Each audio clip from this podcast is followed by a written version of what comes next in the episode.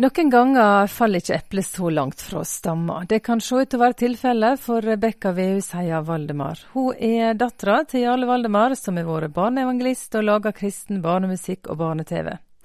Nå formidler han sjøl mer for voksne, men har akkurat ansatt dattera Rebekka i selskapet sitt Valdemar Inspirasjon for å lage barneopplegg. Hun fikk nylig prøvd seg på årets familiefestival Jærgårds i Rogaland, i lag med faren på familiemøte der. Og du heter Jarle Valdemar, eller som jeg liker å kalle deg, pappa. Du har en kone og tre helt nydelige barn. Ja, de er så søte og snille, fine og veldig. Jeg har nå med meg dattera til Jarle Valdemar, som kanskje en del har hørt om. Og noen har nok hørt om eh, deg òg, Rebekka. For, eh, for noen år siden så skrev dere ei bok sammen, stemmer ikke det? Jo, det stemmer. Hvor gammel var du da? Da var jeg 16. Jeg har lurt på hvor mye bidro du med inn i den boka der? Eh, ja, eh, jeg vil si ca. 50-50. Det varierte litt. Eh, fordi noen ganger så skrev pappa noen andakter, og så skrev jeg noen andakter. Eh, og noen ganger så skrev vi rett og slett sammen. Eh, så jeg vil si ca. 50-50. Mm, det er ganske mye det for en 16-åring. ja, det er det. Hvorfor hadde du lyst til å begynne med det som så ung? Det er et godt spørsmål, eh, men pappa spurte meg bare en dag hei, vil du skrive en andagsbok. Og da tenkte jeg ja, det virker gøy. Eh, og jeg brenner jo veldig for å få evangeliet ut. Eh, så tenker jeg at det var en fin måte å gjøre det på. Og du er nå i gang, har jeg forstått, med å på en måte fortsette med det. For, for du skal begynne å lage ditt eget opplegg for barn, er det så? Ja, det stemmer. Mm. Det må du fortelle litt om. Jo, så jeg har nettopp blitt ansatt da, i Valdemar Inspirasjon, som er da firmaet som pappa driver.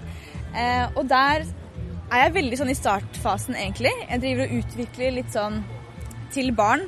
Eh, så vi er i kontakt med noen personer, så får vi se hvordan det blir. Men det er ganske i startfasen.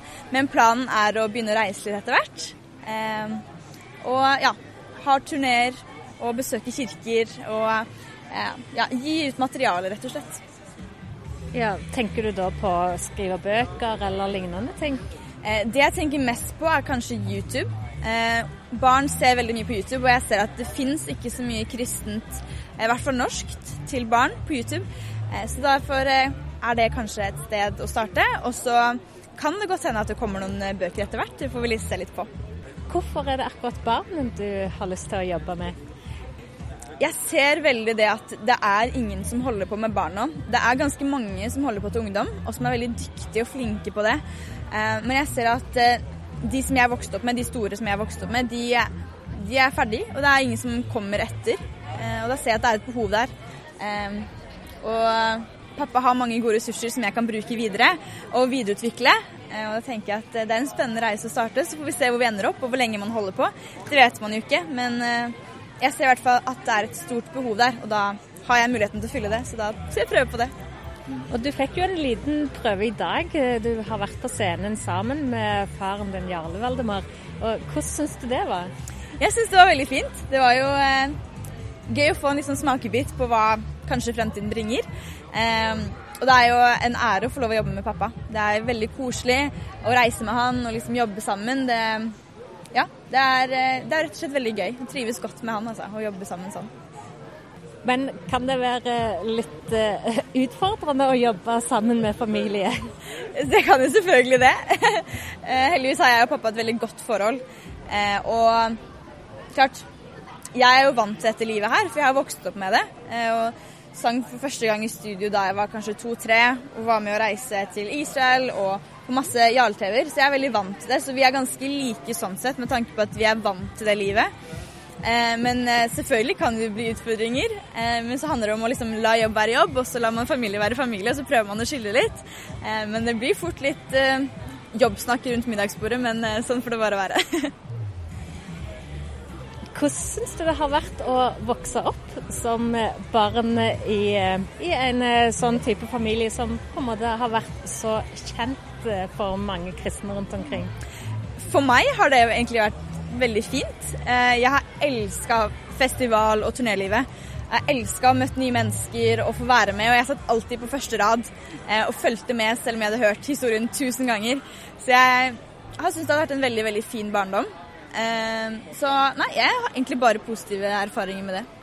Har du noen råd til for foreldre. For til hva en skal gjøre for, å, for, at barna skal klare å beholde troen gjennom livet? Mm.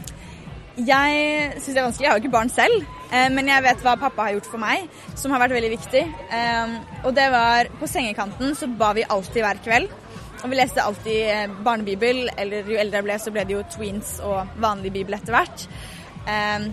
Men det med bønn og bibel på sengekanten har vært veldig viktig. Men også det å snakke om tro som en veldig naturlig ting. Å snakke om det rundt middagsbordet, og liksom Ja, hvordan har det vært i kirka i dag? Og liksom eh, ja, la nat eh, tro bli en naturlig del av samtalen. Og det også at reaksjonen på vanskeligheter er å be. Det syns jeg også var veldig godt å vite at mamma og pappa ber alltid for meg og med meg hvis det er noe som skjer. Um, så det er egentlig veldig godt å bare ha fokus på det. Det har i hvert fall jeg syntes vært veldig fint i min barndom. Mm. Og så til slutt, har du et eh, favorittbibelvers? Oh, jeg vil kanskje si det er Josva 1,9. Det syns jeg er kjempefint, og det gir meg liksom styrke når jeg føler at jeg kan være litt svak, og det er veldig godt. Hva står der der? Det står eh, Vær modig og sterk, og frykt ikke, for Herren din Gud er med deg for hva enn du tar deg fore. Her hørte du Rebekka Vedhusheia Valdemar, og reporter var Gry Anette Tørring, som også møtte henne på familiefestivalen Gjærgårds i Rogaland.